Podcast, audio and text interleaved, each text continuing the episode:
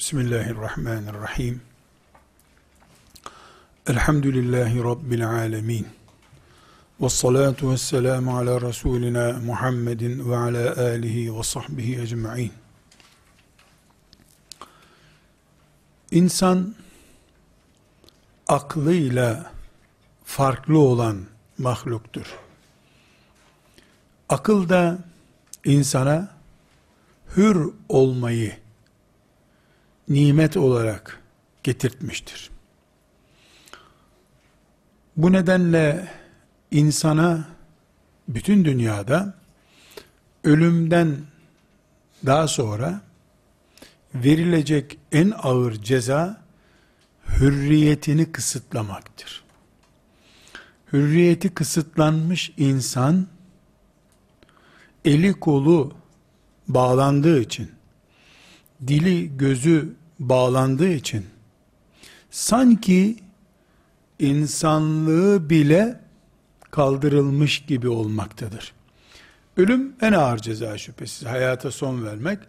Ama ölümden sonraki en ağır ceza da insanın hürriyetini kısıtlamaktır. Çünkü hür olmak, dil, göz, el, ayak ve bütün beden organları için hür olmak Allah'ın insana lütfettiği en büyük nimetlerdendir. Nimetlerdendir demiyoruz. En büyük nimetlerdendir diyoruz. Aklın ve akıl ürünü olan hürriyetin sınırsız kullanılmasının mümkün olmadığını konuşuyoruz.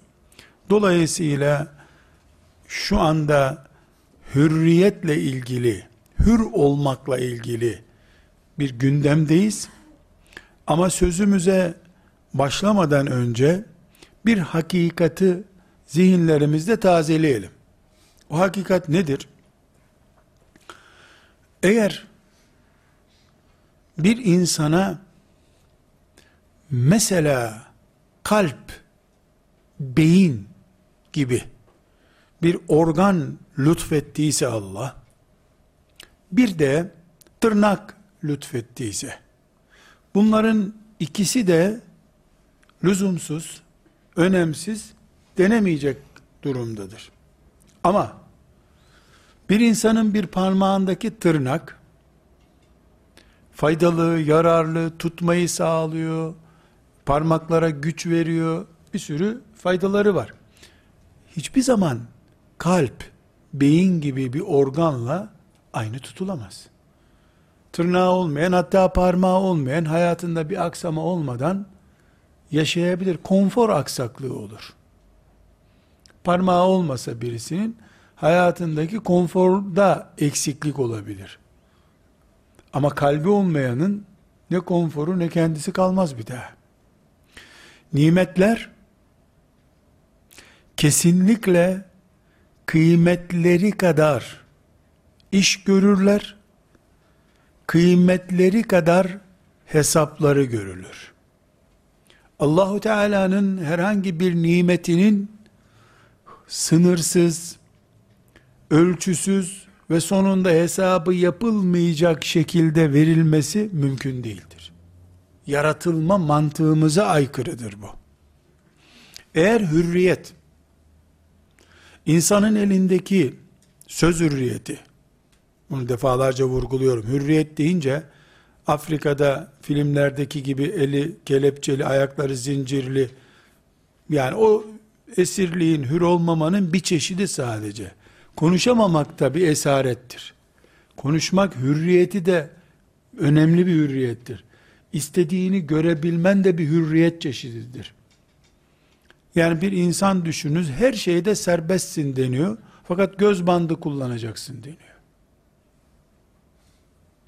Gözünü açıp bir şeye bakmayacaksın. Yine esirsin. Çünkü insanın e, havası hamsesi dediğimiz yani algılama organları, görme, duyma, koklama, tutma, bunlar insanın hürriyetini tattığı şeylerdir hürriyetini tatma araçlarıdır. Kısıtlama bunlar üzerinden yapılıyor. Esasen mesela hapse atılmış bir insan 10 sene hapis yattığında ekmek elden su gölden yaşıyor.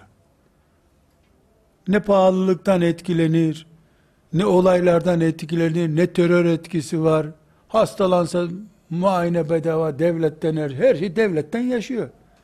İnsanların ya 5-10 sene hapse girsem de rahat etsem mesela emekli olup hapse gireyim ya daha rahat yaşarım düşünmeleri lazım. Niye böyle düşünmüyorlar? Aç kalayım, gözümü istediğim gibi kullanayım. İstediğim gibi konuşabileyim, istediğimi duyayım, istediğimi tutayım, istediğim yere yürüyeyim ister insan. Aç olayım, hür olayım. Devletin hapishanesinde ekmek elden, su gölden diye Anadolu deyimiyle söylenen tarzda bir hayata kimse razı olmuyor. Çünkü hayatın lezzeti organları hür bir şekilde kullanmakla ortaya çıkıyor. Buradan şu sonucu yakalayıp dersimize başlamak istiyorum kardeşlerim. Hürriyet büyük bir nimettir. Bu büyüklüğünü anlatacak örnekler vermeye çalışıyorum. Bu nimet bu kadar büyükse ve bu Allah'tan geldi ise ki Allah'tan gelir. Biraz sonra göreceğiz. Avrupa'da hürriyet e, düğün ikramı gibi bir ikramdır. Bizde fıtridir. Bizim itikadımızda fıtridir. Bu hürriyetin, bu kadar büyük nimet olan hürriyetin kesinlikle Allahu Teala tarafından hesabı sorulur. Allah hesabını sormayacağı bir nimeti insana vermez. Hayvanlara verir. Hayvanlara bir vadi olduğu gibi yeşil ot olarak ineklere ihsan eder. Ve inekler akşam gidip vitir namazı kılıp yatmazlar. İnek çünkü şükretmesi gerekmez. Onun şükrü süttür. Verdi mi sütünü şükrünü yapmış demektir. İnsan ise her nimetin hesabını vermek ve şükrünü yapmak üzere o nimete sahip olduğunu bilmesi gerekiyor. O zaman kuralımız şudur. Müminin elindeki hürriyet Allah'a kulluk ölçüleri içerisinde olduğu zaman nimettir. Allah'a kulluk ölçülerinin dışına taşırıldığı zaman baş belasıdır. Tıpkı zenginin elindeki mal gibi, zekatını verdiği, helalden kazanıp zekatını verdiği zaman, Allah'ın büyük bir nimetiyle cennete girer, helalinden kazansa da zekatını vermese veya haram kazansa, o eldeki mal nimetinden dolayı cehenneme girer. Bu kadar basit. Bütün nimetler için geçerli bir kuraldır bu. Evlat bir nimettir. Bu nimeti kul ne kadar kullanırsa o kadar e, yani Allah'ın rızası doğrultusunda kullanırsa o kadar e, o nimeti değerlendirmiş olur. O nimet onun cenneti olmuş olur. Aksi de cehennemi olmuş olur. Tekrar sözlerimi bu aklın sınırı ile ilgili ve akılla kaynaklanan hürriyet hürriyetin sınırı ile ilgili kuralı koyuyoruz. Diyoruz ki sınırsız, hesapsız ve ölçüsüz bir nimet olamaz. Ömrün kendisi sınırlı zaten. Ömre sınır biçilmiş de ömrün içindeki bir alternatiflerden birisi olan hürriyete niye sınır biçilmesin? Bu nedenle kardeşlerim bizim şeriat ehli insanlar olarak inanmamız, anlamamız gereken şudur. Hürriyetimiz, gözümüzün, elimizin, kulağımızın, dilimizin, ayağımızın hür olması Allah'ın bir nimetidir. Allah'ın bütün nimetleri gibi en az domates kadar israf edilmesi yasaktır. Su kadar nimettir diyelim, su israf edilmesi haramdır. Hürriyette de israf yapılamaz. Nedir israf? Yersiz ve zamansız ve ölçüsüz kullanmak. Şimdi buna e, örnekler vereceğim kardeşlerim. Madem ki bizim elimizdeki hürriyet, dilimizin hürriyeti, gözümüzün hürriyeti, kulağımızın hürriyeti, elimizin hürriyeti, tutup kaldırma hürriyetimiz Allah'ın nimetidir. Bu nimette bir ölçüyle kuralla kullanılır. O zaman hür olmanın, dilin hürriyetinin, gözün hürriyetinin de sınırları var. Bu sınırlar mesela gözün hürriyetine ne diyor Kur'an-ı Kerim? Yaguddu min absarihim. Yaguddu min absarihim. Müminlere söyle, gözlerine dikkat etsinler. Ya göz benim, görüyor diyemiyorsun. Her şeye bakma hakkı vermiyor Allah. Her türlü sesi dinlemek gıybet sesini dinlemek hakkı vermiyor. İftira etmek hakkın yok. Hatta ve hatta biraz sonra e, örnek ver. Yağcılık bile hürriyet sınırları içerisinde bir hak değildir. Yağ yakamazsın. Abartamazsın. Abartmak da suçtur. Yağ yakmak da suçtur. Yahu ben işte yağ yakıyorum. Dil benim, kulak onun. Böyle bir şey yok. Burada arkadaşlar çok enteresan e, olacağını sizin için zannettiğim bir örnek vereceğim. Ahmet bin Hanbel'de e, 13.529.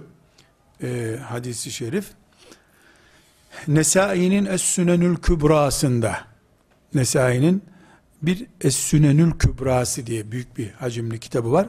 Sünenül Kübrası'nda e, 10.007. hadisi şerif Enes İbni Malik radıyallahu anh bir hadis naklediyor. İnşallah bunu nefsanilik yapıp kendi özel konumumuz için değerlendirmeden sahabi Resulullah ve öbür sahabi de naklediyor. Üç kişi arasında ceryan eden bir olayı biz kaynaklarından okuyoruz. Yani bunu buradan filanca için söylendi, filanca için söylendiden önce Resulullah sallallahu aleyhi ve sellemin yanında bir olay olmuş. O olay yorumlanmış. Bu olayı Efendimiz sallallahu aleyhi ve sellemin cevabından imanımızın, mümin kimliğimizin ilkelerinden biri olarak dinleyelim arkadaşlar. Yani şunun için bu ayrıntıyı, dipnotu yaptım. Böyle bir hadis dinlediğimizde filancalar için söyleniyor dedirtmek şeytan taktiğidir. Kimse için değil bu. Yani biz kelime-i tevhidi, la ilahe illallah Muhammedur Resulullah diyoruz. Hristiyanlara karşı mı diyoruz, cennete girmek için mi diyoruz? Biz yani futbol takımı tutmuyoruz ki o takıma mı bu takıma mı diye. Biz kendimiziz. Başka kimsemiz yok karşımızda bizim. Biz Peygamber aleyhisselam efendimizden aldığımızı kendimize alır. Ama bu yüzlerce filancaya, yüzlerce filancaya da uyarlanabilir. Herkes kendini uyarlasın. Biz imanımızı kurtarırız. Salih amel yapmaya çalışırız. Ümmeti Muhammed böyle karakterli birisidir. Kendi faziletlerini büyütmeye çalışır. Başkasının rezillikleri üzerinden dindarlık olmaz. Başkalarının hatalarını sayarak, yanlışlarını tespit ederek Allah'a yaklaşmak mümkün değildir. Allah'a yaklaşmak isteyen kendisi fazilet ihdas etmelidir. Faziletini ispat etmelidir. Enes İbni Malik diyor ki, bir adam Resulullah sallallahu aleyhi ve sellemin yanına geldi. Hadis-i şerifi bu bölümünü özellikle okuyayım teberruken. Efendimizin yanına gelmiş adam, Efendimiz'e hitap ediyor aleyhissalatü vesselam. Demiş ki, ya seyyidena, vabne seyyidena, ve ya hayrana, vabne hayrina. Ya seyyidena, vabne seyyidina, ya hayrana, vabne hayrina. Efendimiz'e, yani selamun aleyküm, ey Allah'ın Resulü der gibi ne diyor adam? Ey Efendimiz ve Efendimizin oğlu. Ey bizim en hayırlımız ve bizim en hayırlımızın oğlu. Diyor Efendimiz'e. Bunlarda bir yanlışlık var mı arkadaşlar? Yani Efendimiz değil mi Efendimiz? Efendimiz, Efendimiz. Efendimizin oğlu, ey Efendimizin oğlu, yani senin baban da Efendimizdi bizim diye bir puan da yukarı götürüyor.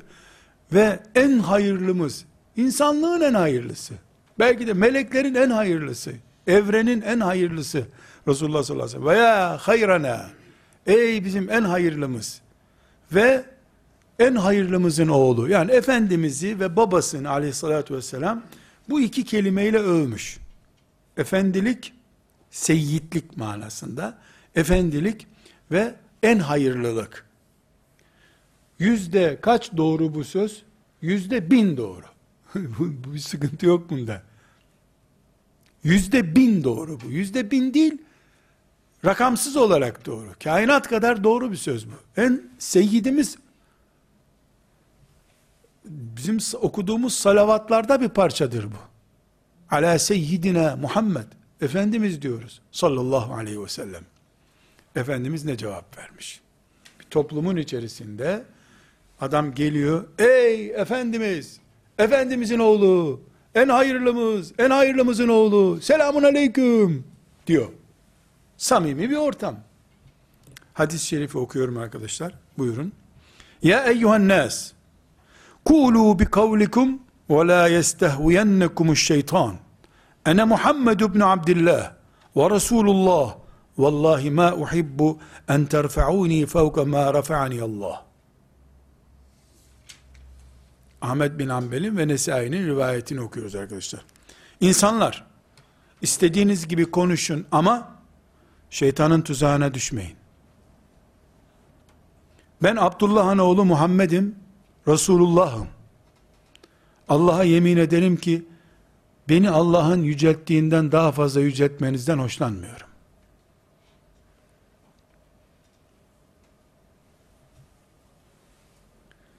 Bakınız şimdi bu hadisi tekrar tesbih. Hürüz biz. Ümmeti Muhammed hürdür. Ama sınırsız bir hürriyet yok.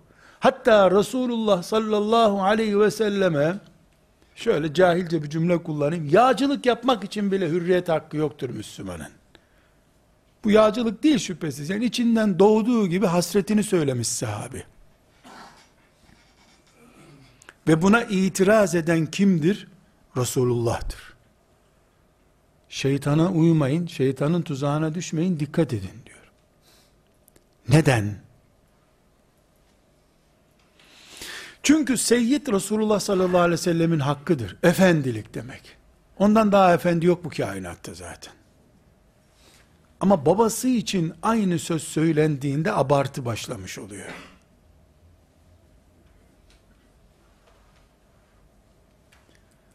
En hayırlımız, en hayırlı ümmetin peygamberi elbette en hayırlı zaten.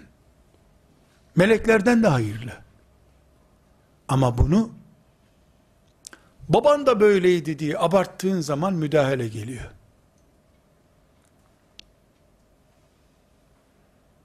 Ve وَلَا يَسْتَهْوِيَنَّكُمُ şeytan. Şeytan sizi tuzağa çekmesin dikkat edin diyor. Çünkü böyle başlanan bir mantık üzerinden ki Resulullah sallallahu aleyhi ve sellem elbette zaten hemen düzeltti. Kendisine söylenen sözü düzeltti ama normalde konuşma uslubu bu olduğu zaman hakkı söylemeye cüret edemezsin.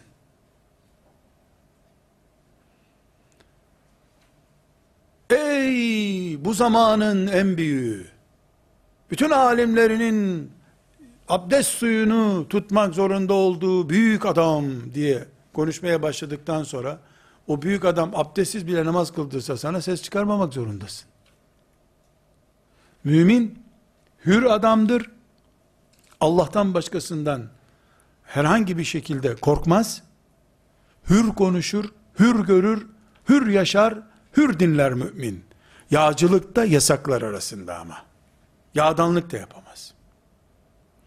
Şimdi bakınız bu Resulullah sallallahu aleyhi ve sellemle ilgili Bukhari ve Müslim'de Bukhari'de 2662. hadisi şerif, Müslim'de 3000.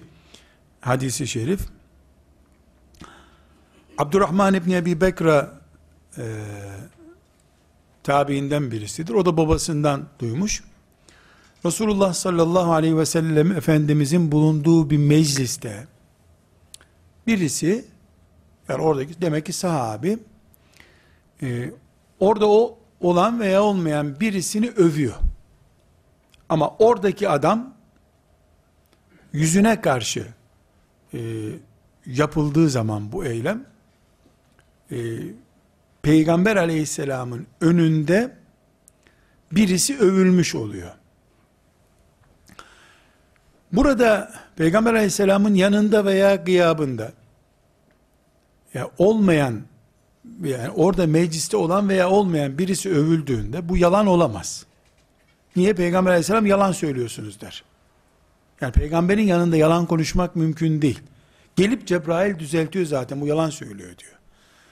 Birisi Peygamber aleyhisselamın meclisinde bir adamı övüyor.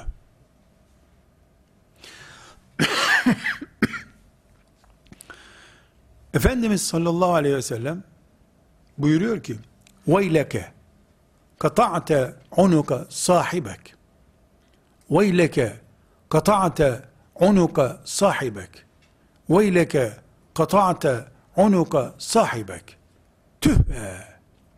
Adamın kafasını kopardın. Tüh be! Adamın kafasını kopardın. Tüh be! Adamın kafasını kopardın. Üç kere tekrar etmiş böyle.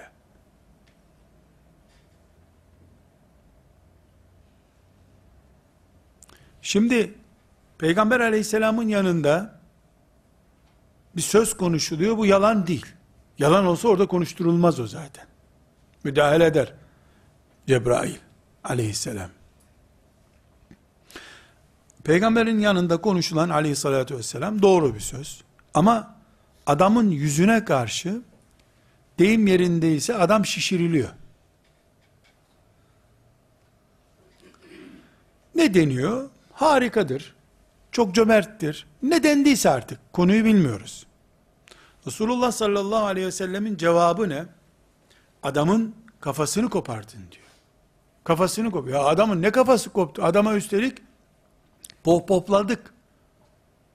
İyidir, güzeldir, hoştur dedik. Ama bizim ağzımızın hürriyeti sınırsız değildir hiçbir zaman. Gözümüzün hürriyeti sınırsız değildir. Kontrollü ve ölçülü bir hürriyetle hürüz biz. Bunun için adamın kafasını kopardın buyuruyor. Sonra da buyuruyor ki Buhari ve Müslim'in bu hadisinde sizden biriniz illa bir kardeşini övecekse o zaman desin ki zannediyorum bu böyledir. Böyle olduğunu umuyorum. Desin buyuruyor. Ve desin ki ve la uzekki alallahi eheden. Allahu Teala'ya rağmen kimse iyidir demem ben. Deyin diyor. Çünkü neden? Sen adamın filan yerdeki konuşmasına bakıp harika olduğunu söylüyorsun. Filan yerdeki işine bakıp çok iyi olduğunu söylüyorsun. Kalbini bilmiyorsun. Ama o adam hakkında herkesin iyi düşünmesine dair zemin oluşturuyorsun sen. Adamın güzel konuşmalarına bakıyorsun, çirkin kalbini göremiyorsun. Bu sebeple Peygamber Efendimizin yanında bir konuşma yapıyorsun sen. Orada peygamber oturuyor. Harika adam diyorsun bunun için. Bu neyin ölçüsü şimdi? Hürriyet, hakkım benim konuşmak. Ama ya benim anladığım kadarıyla bu adam iyidir demen başka şey, bu harikadır demen başka bir şey. Bir insanın sadece dış görüntüsüne bakarak karar vermek başka şey, içini ve dışını bakarak karar vermek başka bir şey. İçini ve dışını bakarak da Allah karar verir. Kulları karar veremez ki. Onun için kardeşlerim, bir dipnot gibi bunu mülahaza ediniz. Yaşayan hoca efendilerin, yaşayan alimlerin, yaşayan mütefekkirlerin, üzerindeki övgüler olduğu gibi risktir. Ölmemiş. Daha nasıl öleceği belli değil. Son kırdığı potlar belli değil. 40 yaşında, 2 senedir, 5 senedir kitap yazıyor. Fesubhanallah, iyi ki peygamberimiz zamanında geldi yoksa bu gelecekti sanki. İyi ki önceden 571'de Efendimiz geldi. Adam daha yaşıyor ya. Yeni evlendi adam. İki tane çocuğu var. Daha onları büyütemedi. Yani öyle bir övüyor ki. Bu bu olmasa zaten o varken İsa Aleyhisselam da gelmeyecek. Çünkü o var, o varken İsa Aleyhisselam ne yapsın? Bu abartıdır. Yaşayan hakkındaki kararı kesinlikle yanılarak veriyoruz biz. Severiz, sevmeliyiz de. Rabbimizin şeriatını okuyan, anlatan hoca efendilere, alimlere, şeyh efendilere hürmetkar olmalıyız. Onları takip etmeliyiz. Onlardan istifade etmeliyiz. Saygıyla, hürmetle peşlerinden gitmeliyiz. Ama Efendimiz'den sonraki en meşhur adam, garantili adam, tut ona gir cennete. Böyle bir elektrik dalgası kimsede yok. Hiçbir Allah'ın samimi dostu, gerçek dostu, kendisini böyle garantide hissetmemiştir bu dünyada. Bu abartı, şeytan tuzaklarından biridir. Ne diyor hadis-i şerif? وَلَا يَسْتَهْوِذَنَّكُمُ şeytan. Sizi şeytan böyle bir tuzağa düşürmesin, dikkat edin diyor. Efendimiz sallallahu aleyhi ve sellemle ilgili. Biz hürüz ama hürriyetimiz sınırsız değildir. Salınmış bir hürriyet olmaz zaten.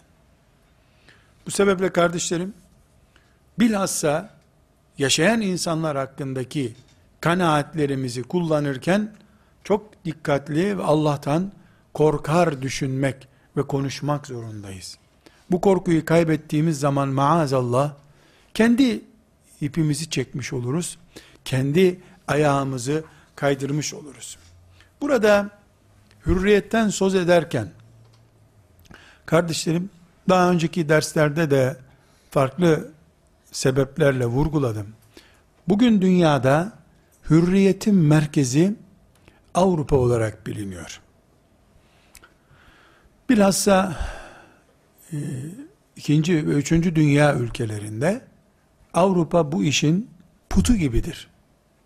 Yani Avrupa olmasa sanki insanlık hürriyet nedir bilmeyecekmiş gibi konuşur. Biz bunun ince tahlillerine girmeyeceğiz. Dedik ya biz onların varlığı veya yokluğunu e, önemsemiyoruz bu açıdan. Ama hakikatleri bilmemiz de gerekiyor. Bir kere Avrupa'da ve bugün batının batı kültürü denen kültürde hürriyet insanların birbirleriyle didişmesinin sonucu olarak kendi kendilerine ikram ettikleri bir pastadır. Bu Fransız ihtilaliyle başlamıştır. Büyüyerek devam ediyordur. Ama bu pastayı acıktıkça yerler. Hiç şakaları yoktur. Çünkü pastayı yapan da ikram eden de kendileridir. Son aylarda Avrupa'da e, polisin kendi vatandaşlarını nasıl köpek gibi sokaklarda süründürdüğünü hürsün sen filan sokaklarda, Bon sokaklarında dolaş, New York sokaklarında hürsün dendiğinde samimi olmadıklarını, dolaşırken silahla yere serdiklerini, zincirlediklerini elhamdülillah gördük. Çünkü Avrupa'da hürriyet insanların birbirlerine ikram ettiği bir pastadır. Bizde elhamdülillah Allah'ın nimetlerinden bir nimettir. Onu Allah'tan başkası bizden alamaz. İki çocuğun veya iki gencin oynarken biri öbürüne baskı yapıyor babasının forsu sayesinde ve bu olay Medine'ye Ömer'e intikal ediyor. Olayı biliyorsunuz. Ne diyor Ömer o zaman? Meta ista'bettumun nas. Siz ne zamandan beri insanları köleleştirdiniz diyor. İki genç yarış yapıyorlar. Sen geçtin ben geçtim diye tartışıyorlar. Babasının forsu olan galip bitiriyor. Yani hakem taraf tutuyor diyelim. Bunu köleleştirme kabul ediyor Ömer. Bizde Fransız ihtilaline bin sene kala buydu manzara.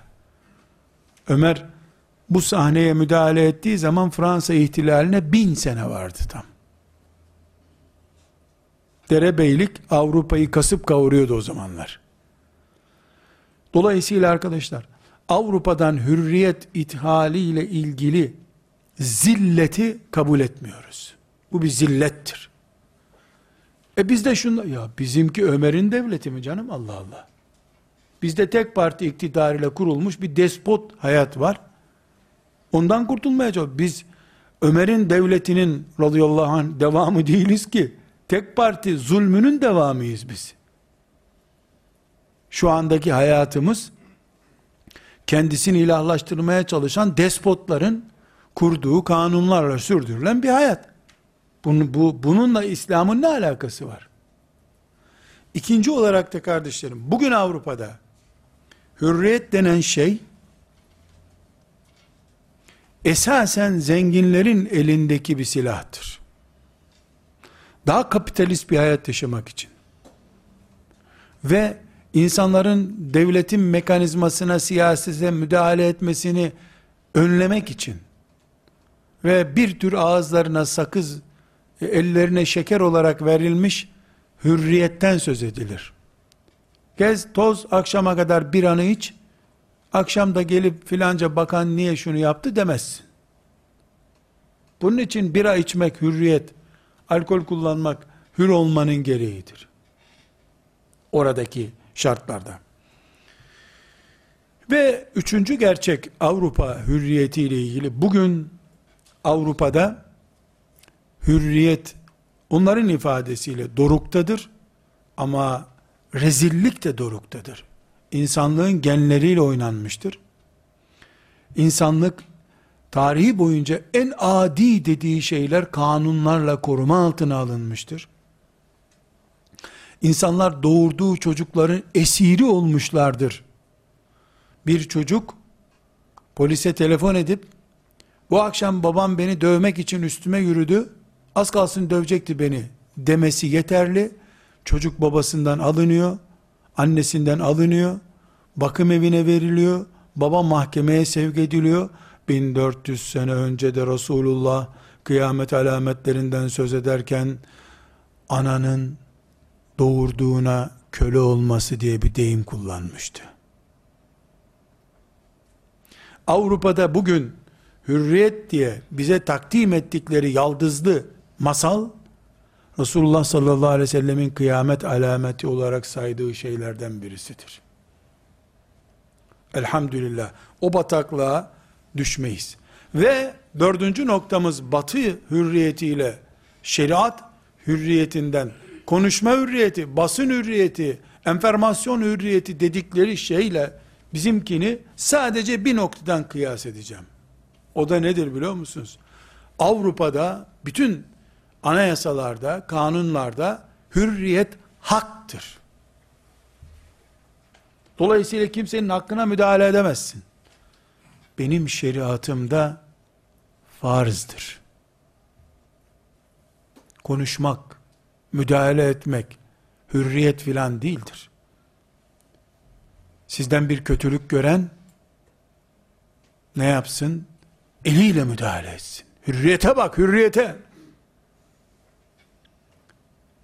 Orada hak olarak verilmiş, bende ise, yani şeriatımda, dinimde ise, en üstteki devlet adamının karşısına çıkıp, halkına zulmettiğini, hakkaniyetten ayrıldığını söyleyip öldürüldüğün zaman senin şehadet sebebindir. Bizde de hürriyet var, pozisyonu budur. Batıda da hürriyet var, geldiği nokta bellidir. Her şeyi konuşabilirsin, ama kazara, kazara, Hitler yedi tane Yahudi yakmıştı sözünü yok canım yakmamıştı ben öyle görmedim fırınlarda hiç insan kemiği görmedim filan dedin mi 5 sene hapis yatıyorsun. Yapılmamış bir şeyi yapılmış gibi göstermeye karşı çıkmak bile suç. Hani hürriyet vardı? Fransa'da biri çıkıp dese ya, yok la bir milyon Yahudi yakılmadı, 800 bindi yakılan Yahudi. Bir desin göreyim bak nasıl içeri giriyor. Nasıl içeri giriyor hemen? Hani hürriyet vardı? Öbür gencin şehvetini kışkırtacak kadar hür kızlar. Ama aynı kız, ben Yahudileri sevmiyorum desin göreyim bakayım hürriyeti var mı? Elhamdülillah, bu çift yüzlülük, batı hürriyetinin gerçek görüntüsüdür. Ama benim şeriatım hürriyeti sınırlamıştır. Nereye sınırlamıştır? En başta zaten sana hepsini vermedim diyor. Onun bunun iffetine dokunamazsın diyor. Elhamdülillah. Burada kardeşlerim Kur'an'ımızdan yola çıkarak hürriyete bir başka boyut kazandırmak gerekiyor. Asıl hürriyet gözün, kulağın, elin, ayağın hürriyeti değil, yüreğin hürriyetidir. Bir insanın yüreği hürse, zindanlar bile onun için dağların tepesi kadar zirvede olduğu yer olabilir. Yüreğinde pranga bulunan, yüreği zincirlenmiş, şununla bununla yüreği zincirlenmiş insanlar ise kendi hapishanelerini kurup ömür boyu o hapishanelerde yaşarlar. İnsanların kendi zindanlarını yapması diye bir hastalık vardır. Biz bunu hürriyetin asıl mekanının yürekler olduğunu söyleyerek dile getiriyoruz. Bir gencin üniversiteye devam ederken kılık kıyafetinin, sakalının, işte çanta taşıyacaktı, taşımayacaktı, imtihana şu gün gelecekti, gelmeyecekti. Bu tip hürriyetleri şüphesiz önemli. Ama asıl yüreğinin hür olup olmadığı önemlidir. Hür yürekli genç olup olmadığı önemlidir. Saçlarını istediği kadar uzatma hürriyeti varmış gencin. Fena bir şey değil. Sakal bırakma hürriyeti varmış. Kız arkadaşıyla üniversitenin kantininde saatlerce oturup Nescafe içiyorlarmış. Ne hürriyet. Bu onun esir olduğunun göstergesidir. Diploma almak için derse girmesi lazım. O derse bile giremeyecek kadar arkadaşına esir olmuş. Hür değil. Kur'an-ı Kerim'de Furkan suresinin 43. ayetinde çok dikkatimizi çekmesi gereken bir ayrıntı var arkadaşlar. Aynı mana Câsiye suresinin 23. ayetinde de vardır. Ama biz özellikle Furkan suresinin 43. ayeti daha kısa. Ondan bu manayı çıkaralım. Rabbimiz insanın cehenneme gidiş serüvenini veya dünya hayatını kendisine zehir etmesini temel olarak neden benimsediğini anlatıyor. Niye insan hem iman eder cehennem var sonunda, hem iman eder ki bu başıma bela olacak bu iş yapıyorum, dünyada beni berbat edecek bu iş, hem de yapar. Hem kanser yaptığını sigaranın bilir, hem de ulan bu sigarada kanser varmış diye üf deyip bir tane daha çıkarır teselli için. Onkoloji bölümünde yatan yeğenini, akrabasını ziyarete gider. Bakar ki doktorlar helalleşin. işte iyi değil durumu der. Yapma doktor bey ya. Tüh. Dışarı çıkıp iki sigara, iki çekimde bitirir sigarayı. Onkolojide sigaradan ölen arkadaşına üzülmüş, aşağıda sigara içiyor. Efkardan ama, kötü niyeti yok. Efkarından. Çok üzülmüş.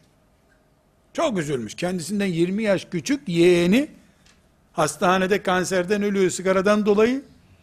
Üzüldüğü için, kahrettiği için belki de hemşireye kızdı iğneyi geç yaptılar diye. Onun için aşağıda bir paket sigara içmiş akşama kadar. Bunun hangi mantık biliyor musunuz? Furkan suresinin 43. ayeti. Yüreği hür değil bunların Allah buyuruyor. Yüreklerinde hürriyet yok. Esir bir, Yürek, başka esaretlerin altı, sigaranın, karşı cinsin, paranın, şöhretin, koltuğun etkisi altında kalmış. Asıl hürriyet, bunun yakalayamadığı bir hedef olmuş. Efera'eyte men ittegaze ilahehu heva ente tekunu aleyhi vekila. Bunu ezberleyelim arkadaşlar. Bu müthiş bir sırrı gösteriyor. İnşallah sizler aile sahibi, gençler, insanlar olduğunuz zaman 3-5 çocuğunuzu eğitirken inşallah ümmetimin gençlerinin, insanların bulunduğu yerlerde eğitimle görevliler iken hüreyi yür olmayan insanlara etki edemeyeceğinizin belgesi olarak bunu gör. Önce yürekleri hürleştirin. Bu da Allah, cennet ve peygamber kelimesi dışında her şeyi elinin tersiyle silip atabilen insan demektir. Hür yürekli genç. Evlenir. Aile sahibi kurar. Ama Allah hala Allah'tır, eşi ilah değildir.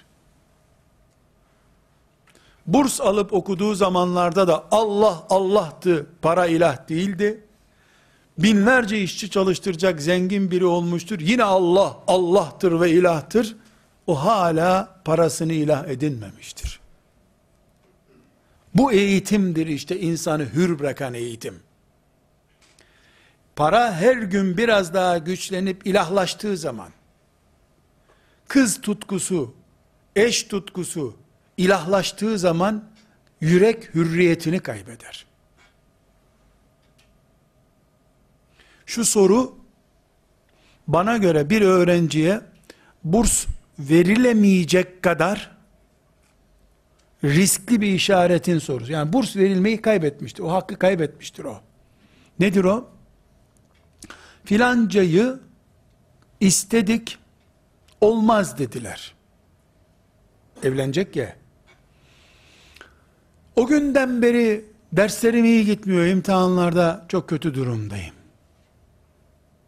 Evet, çok kötü durumdasın.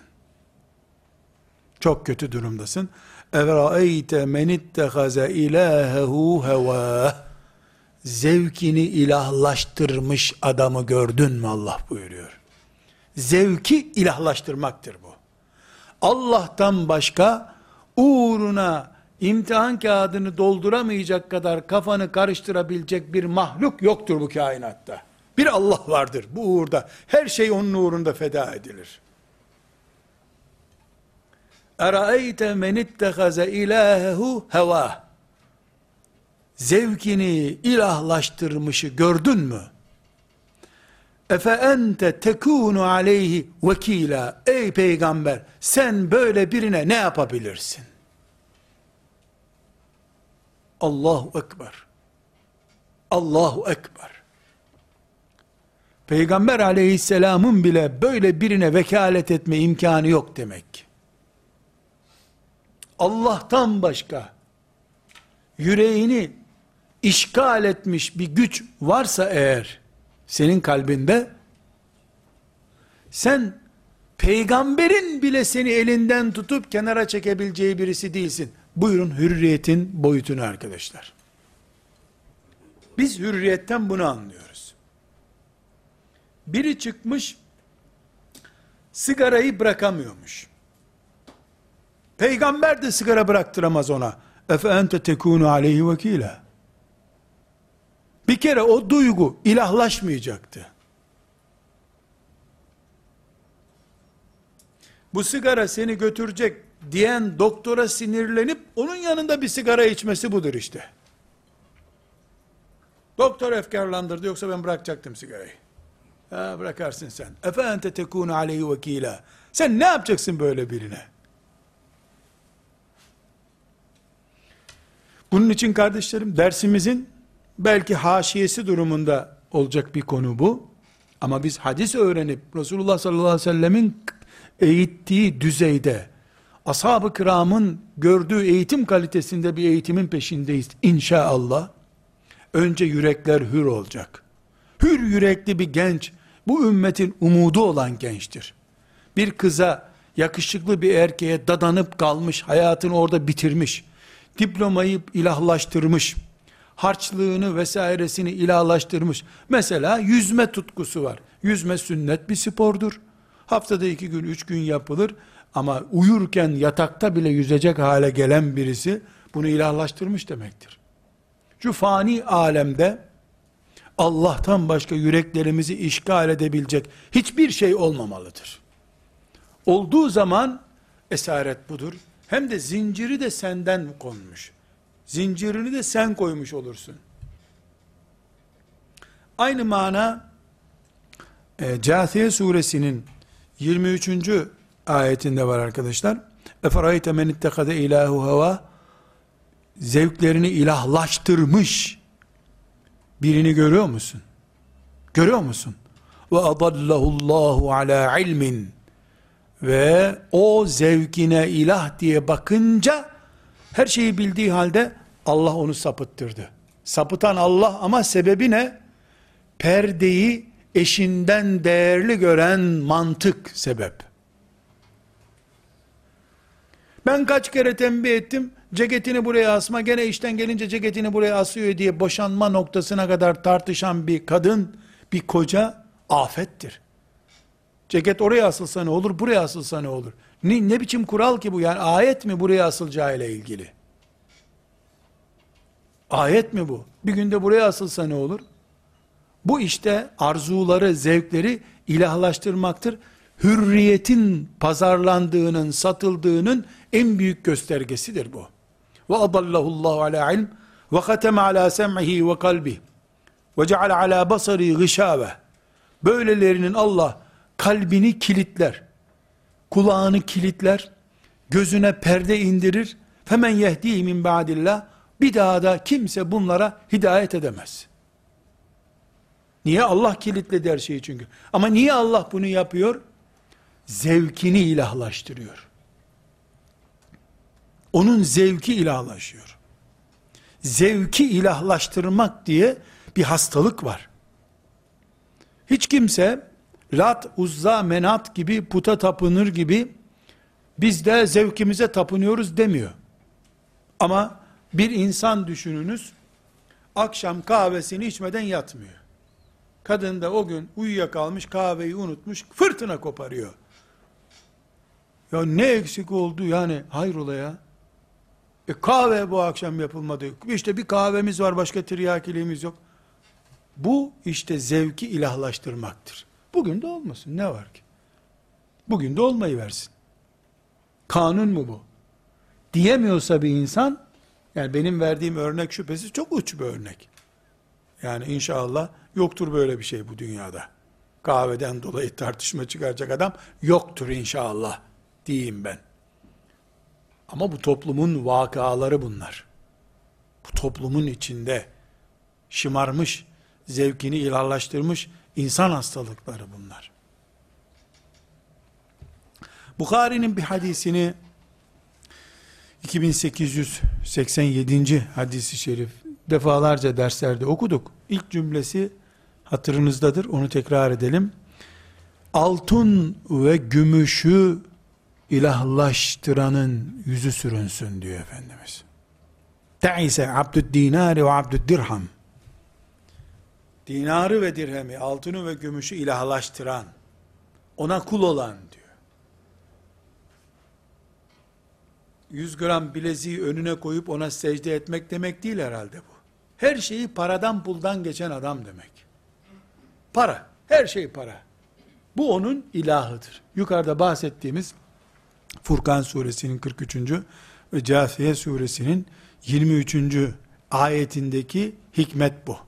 Burada kardeşlerim, geldiğimiz e, nokta şudur, biz müminler olarak hürüz. Yüreğimizin hürriyeti kadar hürüz ama. Ve bu hürriyetimiz asla sınırsız, ipsiz, sapsız bir hürriyet değildir. Sınırsız hürriyetin Avrupa'yı getirdiği noktayı gördük. Ee, bir keramet gibi söylenecek söz değil. Görünen köy kılavuz istemez çünkü. Belki 20 sene sonrasını yaşayanlar, bundan 30 sene önceki e, komünist ülkelerde olan e, kısıtlamaların, hak kısıtlamalarının vesairelerinin daha şiddetlisinin Avrupa olduğu, Avrupa ülkelerinde olduğunu göreceklerdir. Çünkü her şeyin aşırısı onun aşırısını getiriyor. Bugün e, komünist ülkeler Avrupa'dan daha hür ve ipsiz sapsız bir hayat yaşıyorlar. Çünkü daha önce esirdiler. Şimdi e, bir asırdan beri olağanüstü hürriyetlerle ve hiçbir sorgulaması olmayan hürriyetlerle yaşayan Avrupa'nın gideceği nokta her şeyin kısıtlandığı noktadır. Çünkü sağda çok aşırıya giden gerildiğinde solun en aşırısına düşecektir. Soldaki aşırılar da sağa düşmüşlerdir. Bunun için kardeşlerim şeriatımız elhamdülillah fıtrat şeriatıdır. Ümmetimiz fıtrat ümmetidir. Nedir fıtrat? Allah'ın yarattığı tazelik ve güzellikte kalmak demektir. Aşırılığın taraftarlığı yoktur. Elhamdülillah buna rızamız yoktur. Burada hürriyetle ilgili son bir iki kuralı daha e, söz edelim. Kesinlikle kuralımız şudur. İnsan hürdür. Hürriyetinde serbesttir. Ama kendisine de başkasına da zarar verme hakkı yoktur. Burada bizim mesela çok acı çeken bir insanın işte filanca hastalıktan dolayı doktora müracaat edip beni zehirli bir iğneyle öldürün deme hürriyeti yoktur. Kendine de başkasına da zarar verme hakkı yoktur. Mesela dövme yaptıramaz bir insan. Hürriyetine dahil değildir. Neden? Çünkü Allah'ın yarattığı fıtratı bozmaktır bu. Taptaze deriyi bir daha düzelmeyecek şekilde değiştirmektir. Haramdır. Yaptırılamaz. Başkasına da yaptıramazsın. Kendi canına da yaptıramazsın. Sadece dövme yaptırma e, zehirli iğneyle ölme meselesi değil burada. Yani buradaki meselenin özeti şu, insan hürdür, kendi hürriyetine de kısıtlama getiremez, başkasının hürriyetine de kısıtlama getirilemez, getirirse eğer bu yaptığı şeriatın engeliyle e, engellenir. Yani şeriatımız buna izin vermez. İntihar etmek kimsenin hakkı değildir. Başkasını öldürmek de kimsenin hakkı olmadığı gibi. Yani bir hürriyet hürriyete müdahale hürriyeti değildir. Olamaz da. Çünkü bizde hürriyet yasal bir hak değil, fıtri bir ihtiyaçtır. İnsanın inekten ve öküzden farkının özelliğidir. Bunun için yarış hakemin müdahalesiyle seyri değiştirildiği zaman Ömer bunu ne anladı? Hürriyete müdahale, köleleştirme olarak anladı. Radıyallahu anh. Dinimiz hürriyeti fıtrat olarak görüyor.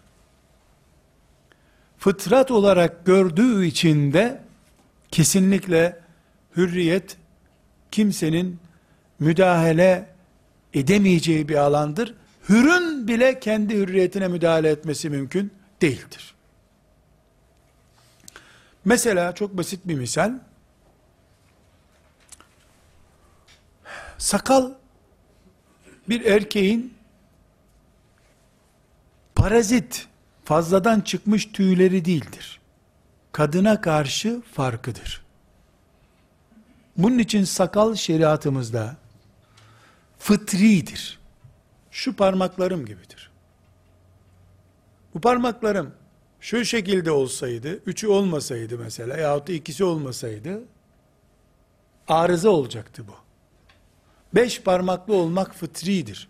Doğadan, doğasından, yaratılışından var demek. Fıtri o demek. Sakal, kadında olduğu zaman arızadır. Erkekte olduğu zaman erkekliktir. Bu nedenle, sakalı kesmek haramdır.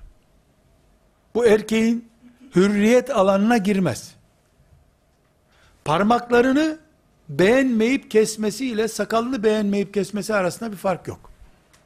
Ben mevcut laik nizamların altında yaşayan Müslümanların sakalı ile ilgili hükmü konuşmuyorum. Normal Ömer bin Hattab radıyallahu anh'ın idaresi altındaki ümmeti Muhammed'in sakala bakışını konuşuyorum. Olağanüstü şartlar, olağanüstü hükümler getirir. Bu ayrı bir mesele.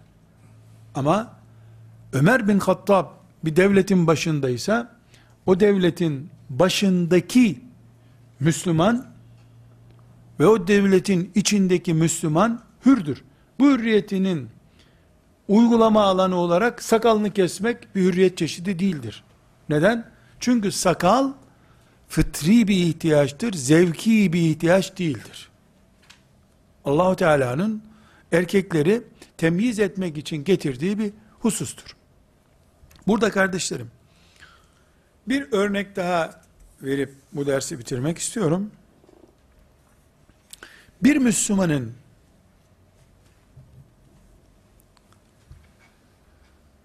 bir defter alıp o deftere Bakara suresini yazması, Yasin-i Şerif'i yazması bin kere hakkıdır. Milyon kere hakkıdır. Serbesttir. Kıyamete kadar bunu hiç kimse engelleyemez. Hiç kimse. Böyle bir engel de yok zaten. Ama Osman İbni Affan döneminde Osman radıyallahu anh yedi tane orijinal musaf yaptırdı. Onları mühürledi. Devlet musafı haline getirdi onları. Ondan sonra da insanların elindeki kendi yazdıkları bütün musafları ve sureleri yaktırdı.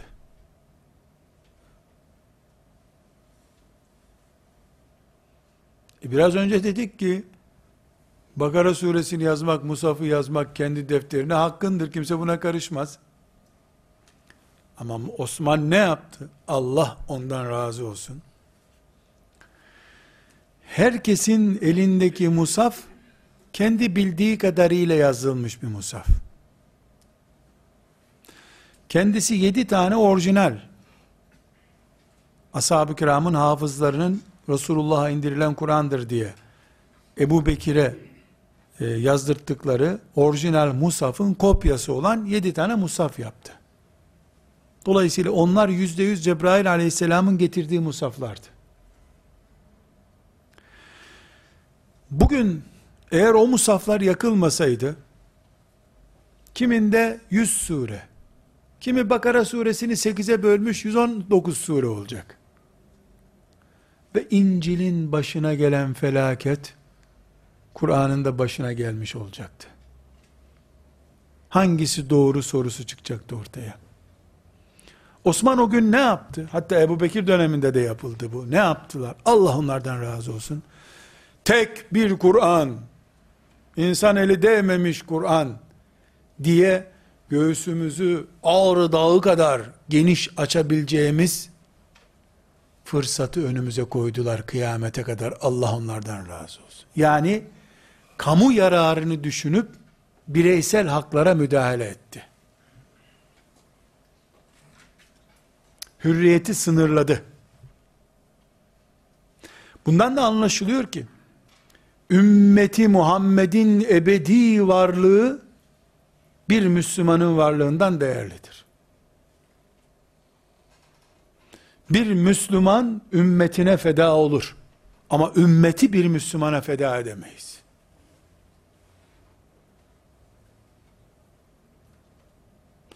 Ümmet bizim şehidimiz olmayacak. Biz ümmetimiz için şehit olacağız. Biz ve derneklerimiz, vakıflarımız, cemaatlerimiz hepimiz ümmetimiz uğruna feda olmaya hazır olacağız. Ümmetimizi kendimize feda ettirmeyeceğiz. hürriyetimizle ilgili bir başlık da bu başlıktır. Bunu da bir kenara not ediyoruz. Ve tekrar sözlerimizi topluyoruz kardeşlerim. Akıl Allahu Teala'nın mahlukatı içerisinde insanın temayüz ettiği bir farktır. Aklı kullandığımız en önemli alanımız hürriyettir. Dolayısıyla akıl ve hürriyet kelimeleri bizim için şeriatın teminatı altındadır. Ama fıtrat ölçülerinde. Doğalımızda var bu bizim. İnsanlık genimizde bulunduğu için. İhtilalden sonra e, parlamentonun bize ikram ettiği bir nimet değil bu. Doğarken Allah'ın bedenimize koyduğu, bize ihsan ettiği bir nimettir bu. Bunu Allah'tan başkası bizden alamaz. Kullar buna herhangi bir sınır getiremezler. Ama biz ümmet olarak tek vücut gibiyiz. Ümmetimizin maslahatı öne çıktığı zaman Osman'ın musaflara yaptığı, Ebu Bekir'in musaflara yaptığı gibi ümmetimiz öne çıktığı zaman hiç tereddüt etmeyiz. Birimiz ümmetimize, binimiz, hepimiz ümmetimize feda oluruz Allah'ın izniyle. Irkımıza bakmayız, cinsiyetimize bakmayız, fakirliğimize, zenginliğimize bakmayız. O zaman hürriyet yok, Allah'ın rızası var, ümmetimizin geleceği var deriz. Ve sallallahu ve sellem ala seyyidina Muhammed ve ala alihi ve sahbihi ecma'in velhamdülillahi rabbil alemin.